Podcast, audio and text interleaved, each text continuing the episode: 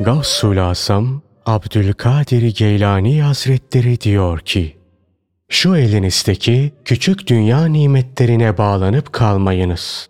Allah size onları sadece yolculuk esnasındaki azıklar olarak yarattı.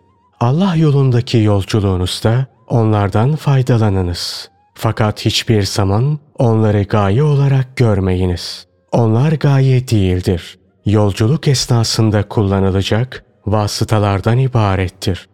Sizler ahireti ve Allah'ı unutup dünya hayatına razı oldunuz, onunla yetindiniz. Senin dünyadaki hayatın belli bir noktaya kadar uzanır. Orada biter. Ahiretteki hayatınsa nihayeti olmayan bir ebede uzanmaktadır. Hiç işitmediniz mi?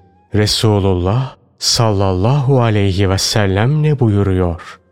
Asıl hayat ahiret hayatıdır.